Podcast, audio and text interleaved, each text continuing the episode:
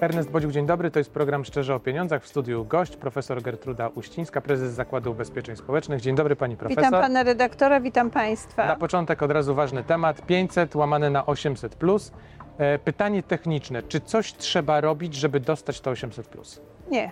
Z punktu widzenia osób uprawnionych e, nie są wymagane ani pożądane żadne działania. E, Zgodnie z ustawą, która już w tym zakresie obowiązuje, jest to nasz obowiązek instytucji, która obsługuje świadczenia na rzecz rodziny, w tym wypadku 500 od stycznia 800. E, Jesteśmy na etapie przygotowań organizacyjnych, technologicznych, e, tak aby od stycznia rzeczywiście wszystkie osoby uprawnione, które pobierają 500, otrzymały e, 800 zł z tytułu zmiany tej ustawy. A więc e, w żadnym wypadku nie są potrzebne żadne działania. Będziemy o tym komunikować do końca roku w sposób szczególny, e, pod koniec roku, tak żeby rodzice byli pewni, że po prostu wzrost świadczenia oznacza także wyższe świadczenie, które przejdzie na ich konto. Nic nie robimy. Nie, nic, czekamy na 1 stycznia 2024. Panie redaktorze, szanowni państwo, w zakresie obsługi świadczeń na rzecz rodziny myśmy zbudowali nowoczesny e-urząd, który jest czynny 7 dni przez 24 godziny. A więc w związku z tym od tego rozwiązania nie odchodzimy. Jeżeli się zmienia zasada, że świadczenie jest wyższe, to oznacza, że ten e-urząd będzie od stycznia wypłacał w tej wymaganej wysokości. Jeżeli chodzi o osoby, którym dzieci się urodzą po 1 stycznia, będą aplikowały o ten wniosek na świadczenie 800. Czyli te zasady dla rodziców i opiekunów są znane już kolejny rok i tutaj się po prostu nic nie zmienia. Dla jasności to są wypłaty za konkretny miesiąc. Tak czyli jest. Czyli w, Świadczenie. za styczeń będzie w lutym, oczywiście jak najbardziej. Pani profesor, rodzice nie muszą nic robić, no ale z drugiej strony zastanawiam się, czy Zakład Ubezpieczeń Społecznych coś jednak musi zrobić, bo to nie jest Bardzo pewnie dużo. tak stryk i już. Ależ absolutnie to jest świetne pytanie. No, to w ogóle tylko tak się wydaje, n- mówiąc bardzo dyplomatycznie laikom. Przecież to jest ogromny proces przygotowania. Też mów, powiedzmy o skali, tak, 500 to jest około 7 e, milionów dzieci, a więc skala jest ogromna, ale przede wszystkim nakłady pracy są e, wielotygodniowe, informatyczne. No, te wszystkie algorytmy trzeba zmieniać, e, dostosować do nowej wysokości.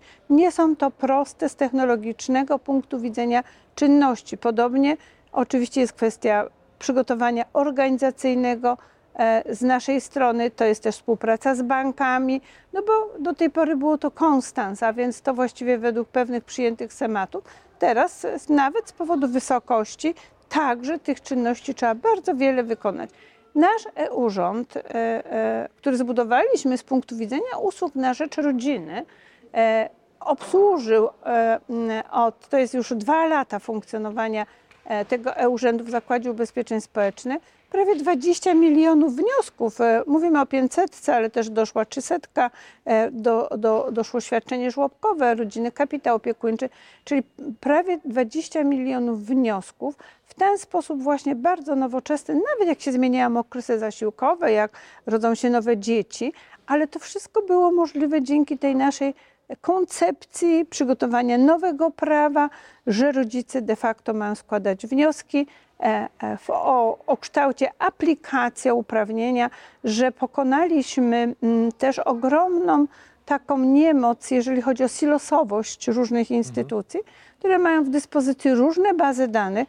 Na podstawie tej ustawy o tym świadczeniu mm, 500, my mamy dostęp do różnych baz danych, dzięki czemu automat weryfikuje. Właśnie tutaj stosujemy automaty, weryfikuje, czy rzeczywiście jest prawidłowość tych danych, które Państwo podajecie, aplikując na przykład oświadczenie 500. Czyli No, tam trzeba zaznaczyć taki e, ptaszek, Tak że jest, tak prawdziwość danych, potwierdzam Tak prawdziwość. I, danych. No. I potwierdza e, osoba aplikująca tą prawdziwość, ale oczywiście, e, żeby to wszystko uwiarygodnić, to wtedy ta sztuczna inteligencja, która tu wchodzi, to co pan redaktor potwierdził, ona potwierdza sięgając bazy A, B, C, czy jeszcze innej, w zależności od Czyli sytuacji. Proszę zobaczyć. Kontrola podstawą zaufania. To znaczy, to jest nawet. y, No tak, trzeba, żeby nie dostać, żeby To są pieniądze nie podwajać tego świadczenia. Ta, to są pieniądze publiczne, to jest jedna rzecz. Poza tym też ten nowoczesny sposób wiarygodnienia tak, tych wszystkich danych e, dzieje się automatycznie. E, dla tych prawie 20 milionów spraw my mamy zatrudnionych 170 osób w takim centrum e, świadczeń na rzecz rodziny, kiedy na przykład dla, dla 7 czy ponad 7 milionów spraw emerytalnych potrzebujemy 6,5 tysiąca osób, dlatego że tam jest wiele, wiele jeszcze spraw, które są po prostu realizowane tradycyjnie, więc teraz... No tak, ale od tego też odchodzi się tak, powoli, prawda? bardzo. Oczywiście jak najbardziej e, ta możliwość składania elektronicznych wniosków e, emerytalno-rentowych e, w coraz większym stopniu, no i oczywiście też digitalizacja akt, żeby mo- mogli pracownicy nie w papierze, tylko na ekranie korzystać z tych wniosków załącznikami. Zwłaszcza to jest problem, który dotyczy systemu emerytalnego, tego starego, który obowiązuje, obowiązywał od, do stycznia 99 roku. E, Jak gdyby ten przebieg ubezpieczenia i zatrudnienia z tamtego okresu musi być udokumentowany. Tak? Od stycznia 99 nie dokumentujemy, bo mamy na koncie zapisane składki, e, które opłacamy na ubezpieczenie emerytalne i w perspektywie iluś lat to będzie tak, że ta emerytura będzie e, absolutnie w sposób automatyczny policzona, pokazana ubezpieczonemu i on będzie decydował, kiedy z niej skorzysta. Tak to będzie e, w perspektywie kilkunastu lat. Skoro mówimy o emeryturach, jak stan mm, ten, tej dodatkowej, jak będzie wyglądała wypłata 14, 14 emerytury, dobrze Tak, mówię? e, jeżeli przejdziemy do kwestii tego 14 świadczenia, m, e, ja myślę, że ona jest tak potocznie nazywana emeryturą, ale ja ją widzę jako taki dochód wspomagający e, osoby, które pobierają emerytury z Funduszu Ubezpieczeń Społecznych czy z innych funduszy, na zasadzie, że tam płacimy składkę, jest ta zasada wzajemności, ekwiwalentności, e, no i też solidarności. To jest typowe świadczenie emerytalne. A w przypadku tej, tego świadczenia 14 to jest raczej pewna gwarancja dochodowa. I myślę, że ona teraz z punktu widzenia tych globalnych procesów, jak inflacja, jak koszty utrzymania, to ma tę- tą swoją rację, e, e, rację e, e, legis. Natomiast świadczenie 14 jest w ustawie zadekretowane jako stały dochód tak, dla osób, które pobierają różnego rodzaju świadczenia, nie tylko emerytalne i rentowe, rentowe jak renta z tytułu niezdolności, renta socjalna, ale też świadczenia kompensacyjne, mama 4+, nauczycielskie świadczenia, to tak, e, e, e, świadczenia przedemerytalne. To jest e, blisko 10 milionów osób, które pobierają te świadczenia główne i oni są uprawnieni do tego e, świadczenia 14. Natomiast jak gdyby od strony finansowej w ustawie jest powiedziane jasno, że finansowanie tego świadczenia będzie się odbywało z budżetu państwa. Proszę zobaczyć, trzeba to rozróżniać, tak?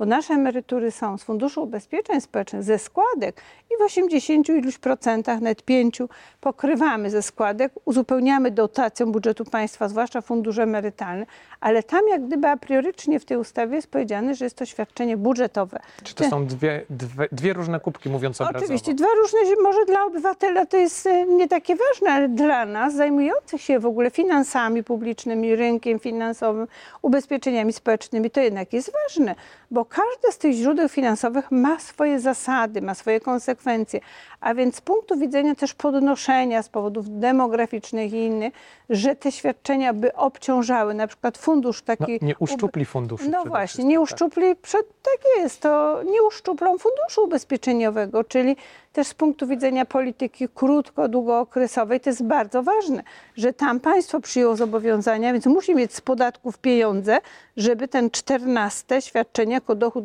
dodatkowy e, sfinansować. E, Przyjęto już w przepisach wykonawczych 2,650 brutto dla tej czternastki, czyli jeżeli weźmiemy, z, odejmiemy z tego mm, składkę zdrowotną i zaliczkę na podatek, zostaje nam 2200, tam kilka groszy po przecinku. E, I to oznacza tyle, że to wszystko, takie świadczenie główne, będzie wypłacane w tej pełnej wysokości dla e, pewnego przychodu 2900 zł ale też musimy się rozprawić z różnymi takimi potocznymi informacjami, cóż to za przychód ten 2900 zł. To nie jest też przychód taki jak e, w rozumieniu przepisów podatkowych, bo w ustawie jest zapisane, że to chodzi o główne świadczenie, jakie pobiera ten uprawniony, tak? A więc to chodzi o to, jakiej wysokości on pobiera emeryturę, rentę, czy jakieś świadczenie, które jest zakwalifikowane. To jest to główne jego świadczenie. A więc jeżeli rzeczywiście on pracuje, ma emeryturę, no to wtedy bierzemy pod uwagę z systemu jego emeryturę i ustalamy, czy on jest powyżej 2900, czy on jest poniżej. Jeżeli on jest poniżej, czy do 2900 dokładnie, to dostanie to świadczenie w pełnej wysokości. Jeżeli jest powyżej, to stosujemy złotówkę za złotówkę. Do mm, tego przychodu 5500 zł e, e, to 14 świadczenie nie może być niższe niż 50 zł. Co wynika z takiej analizy, którą prowadzimy z punktu widzenia struktury tych świadczeniobiorców, tak? 9,8, no prawie 10 milionów, że 6,8 uprawnionych, głównie e, e, uprawnionych w systemie powszechnym, e, którym zarządza Zakład Ubezpieczeń Społecznych, ale też i w KRUS-ie i w służbach mundurowych 6,8 dostanie w pełnej wysokości, tak? Czyli zostaje nam około 2 miliony świadczeniobiorców, którzy nam wejdą w tę złotówkę za złotówkę. Ale też trzeba jasno powiedzieć, że e, e, e, jak gdyby powyżej 3,5 tysiąca czy powyżej 4 tysięcy, to jest bardzo już niewielki odsetek osób, które po prostu będą miały pomniejszaną to 14 dochód w związku z takim przychodem do tej kwoty 5500 zł. Co jest jeszcze ważne? No koszt jest 20 miliardów 700 milionów. To jest rzeczywiście mm, oddanie do dyspozycji we wrześniu e, tym prawie 10 milionom świadczeniobiorców dużej kwoty pieniędzy. Mm, e, Właściwie już pomału zbliżamy się do, do takiego drugiego etapu wypłaty, bo to wszystko też dzieje się w terminach wypłaty świadczenia głównego, a więc w przypadku Zakładu Ubezpieczeń Społecznych piąty, pierwszy, piąty, szósty, dziesiąty, piętnasty i 20 i 25. To też wymaga odpowiednich przygotowań. Trzeba to jasno powiedzieć, informatyczny. To nie jest tak, że mamy e, roboty, sztuczną inteligencję, my im przeczytamy ustawę i oni coś wiedzą. No, jest. Eksperci od prawa siadają z ekspertami od informatyki. Oni muszą to wszystko zakodować, muszą przygotować odpowiednie algorytmy. To jest bardzo, bardzo trudna praca, e, którą no, wykonuje się często pod presją czasu. Tak, e, tak to bywa, żeby. A poza tym proszę zobaczyć, jak złożona tutaj jest analityka. Przecież też trzeba zaciągnąć z systemu kwestię dotyczącą, jakie świadczenia pobiera świadczeniobiorca. Po drugie, trzeba obliczyć, e, obliczyć podatek, składkę zdrowotną 9%, podatek, e, też trzeba pilnować e, tej kwoty 2500, no bo ona de facto jest, e, jest wolna do 30 tysięcy rocznie. To są takie duże procesy, skomplikowane, no ale my oczywiście z punktu widzenia przetwarzania tych wszystkich informacji nabieramy takiej sprawności z e, e, punktu widzenia też współpracy ze światem informatycznym na coraz wyższym poziomie. No i, i też przy naszym dużym poświęceniu i zaangażowaniu jesteśmy w stanie przygotować się i to wszystko po prostu wypłacać. A do kiedy te pieniądze będą wypłacane? Czy tak e, ustawowo, to generalnie jest tak przyjęte, że ci, co na dzień 31 sierpnia spełniają warunki do tych głównych świadczeń, a więc to są wszyscy, tak? Ale są takie przypadki mm, i, i generalnie może odpowiemy tak, że do końca września wypłacamy, bo w ustawie jest Aha. powiedziane, że w miesiącu, tak? Wypłacamy, że nie połowę w miesiącu A czy B, tylko w jednym miesiącu, czyli tak naprawdę do końca września powinniśmy za, zakończyć wypłacać te świadczenia. Pani profesor, ym, dwa wątki jeszcze chciałbym poruszyć, ale zanim przejdziemy do tego takiego, wydaje mi się, mocno interesującego, bo za moment 90. rocznica. Ale y, chciałem Panią zapytać jeszcze, skoro rozmawiamy o pieniądzach, jaki jest stan e, funduszu w tej chwili? Jaka jest sytuacja? Tak, y, to jest taki komunikat, który przesyłam i wiem, że ci, co nas oglądają, mówią, że czekają na taki komunikat, bo to im daje jakąś pewność, że jest stabilnie, że jest bezpiecznie. E, Ja mam taki, e, taką reakcję na, na, na rozmowy nasze. Komunikat jest e, pozytywny. No, ym, e, Mamy sytuację, jeżeli chodzi o pobór e, składek, e, bardzo dobrą. E, e, Z punktu widzenia dzisiejszego e, e, połowy września widzimy, że składki, które pobraliśmy, pokrywają 85% wydatków Funduszu Ubezpieczeń Społecznych. To, to jest bardzo wysoki wskaźnik. Przypomnijmy, Bo to jest że... w zasadzie ten wskaźnik, na który jakiś czas temu udało się wejść, ten najwyższy. Tak, historii w zasadzie. 81 i 2, jak rozmawialiśmy, a teraz historycznie osiem- jest 85%, 4,9 no to jest 85. To jest naprawdę bardzo wysoki wskaźnik, czyli proszę zobaczyć, żeby pokryć te wszystkie teraz mm, wydatki na świadczenia emerytalne, zasiłkowe, takie i inne, które idą z Funduszu Ubezpieczeń Społecznych, potrzebujemy tej interwencji budżetu państwa tylko w 15%. Dotacja jest zawsze ustalana w prawie ustawie budżetowej na wyższym poziomie.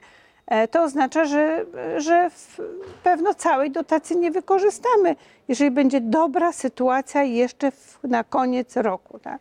Czyli E, w zasadzie po raz kolejny już. po raz kolejny. okazać. Ale jeszcze też powiedzmy, bo to jest też pytanie, skąd mamy te dobre wyniki? Z tego, co jest w gospodarce. Przecież my pobieramy składki e, od przedsiębiorców za nich i za zatrudnianych przez nich osoby, pracowników i inne, od różnych podstaw wymiaru przeciętnego wynagrodzenia minimalnego.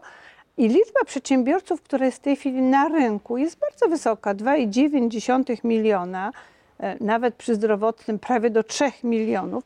Liczba ubezpieczonych pracowników zbliża się do 16 milionów, a w ubezpieczeniu zdrowotnym nam przekracza 17 milionów. Liczba cudzoziemców prawie milion 100 tysięcy. Oczywiście w dyskursie takim słyszymy, że przedsiębiorcy się zamykają, że przedsiębiorcy mają przerwy w działalności.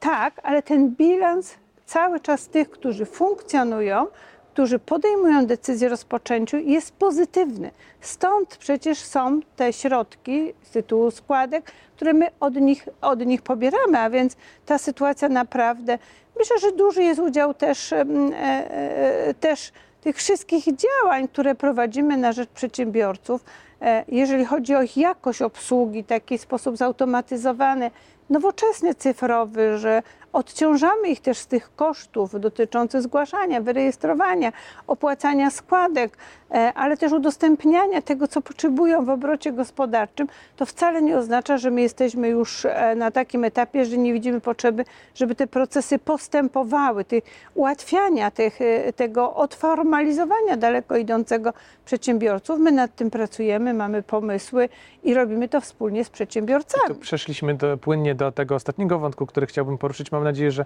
jeszcze umówimy się na oddzielny program e, o Zakładzie Ubezpieczeń Społecznych, bo to 90 lat e, za chwilę pewnie obchody się e, zaczną.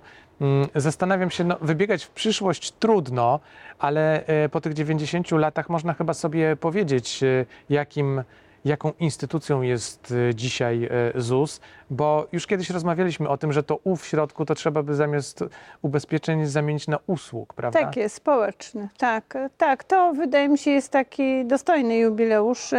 e, To 90-lecie. Ta historia sięga gdzieś 1933 roku. Ustawy o systemie ubezpieczeń społecznych w 1934 jest rozporządzenie prezydenta Mościckiego, na podstawie którego e, dotychczasowe formy działalności ubezpieczeniowej przyjmuje nowa instytucja, to jest Zakład Ubezpieczeń Społecznych.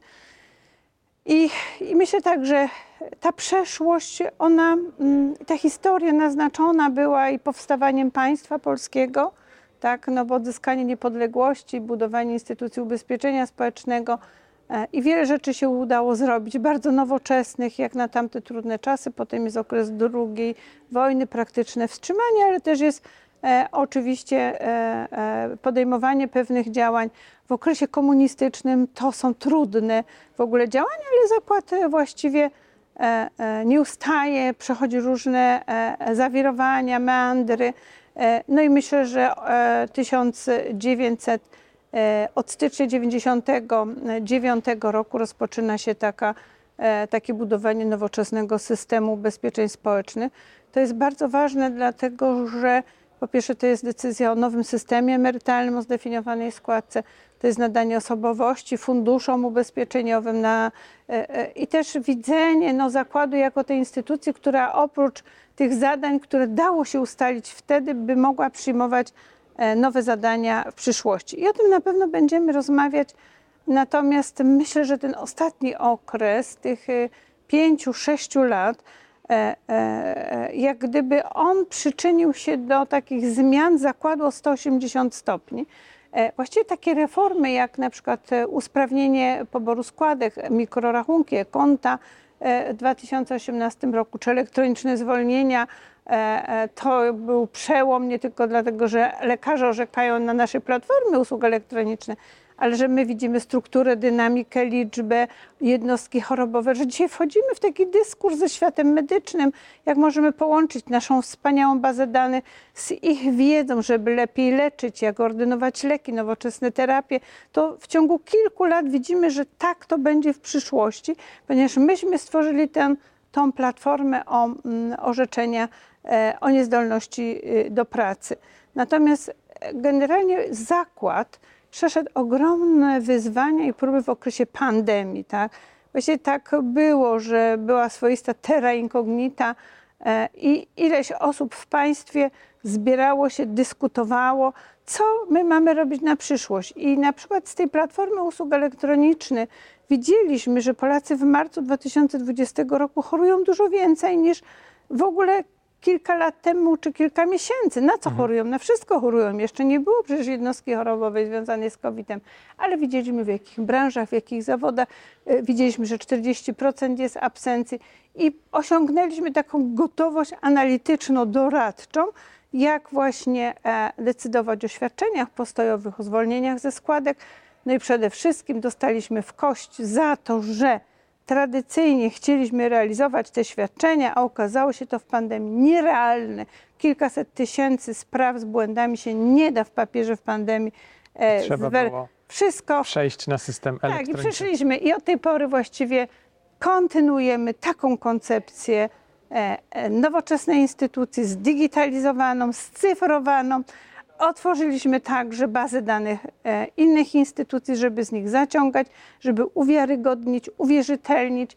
E, W nagrodę dostaliśmy e, budowę usług na rzecz rodziny i myślę, że wy, wywiązujemy się z tego na, na najwyższym poziomie, ponieważ to jest e-urząd czynny całą dobę i również z punktu widzenia Ukrainy.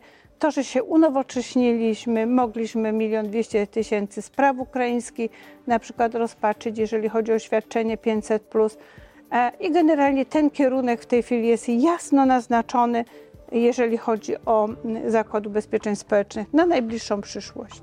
Jeszcze o tym będziemy rozmawiać na pewno. Profesor Gertruda Uścińska. Dziękuję pani profesor, Dziękuję bardzo prezes uprzejmie. Zakładu Ubezpieczeń Społecznych.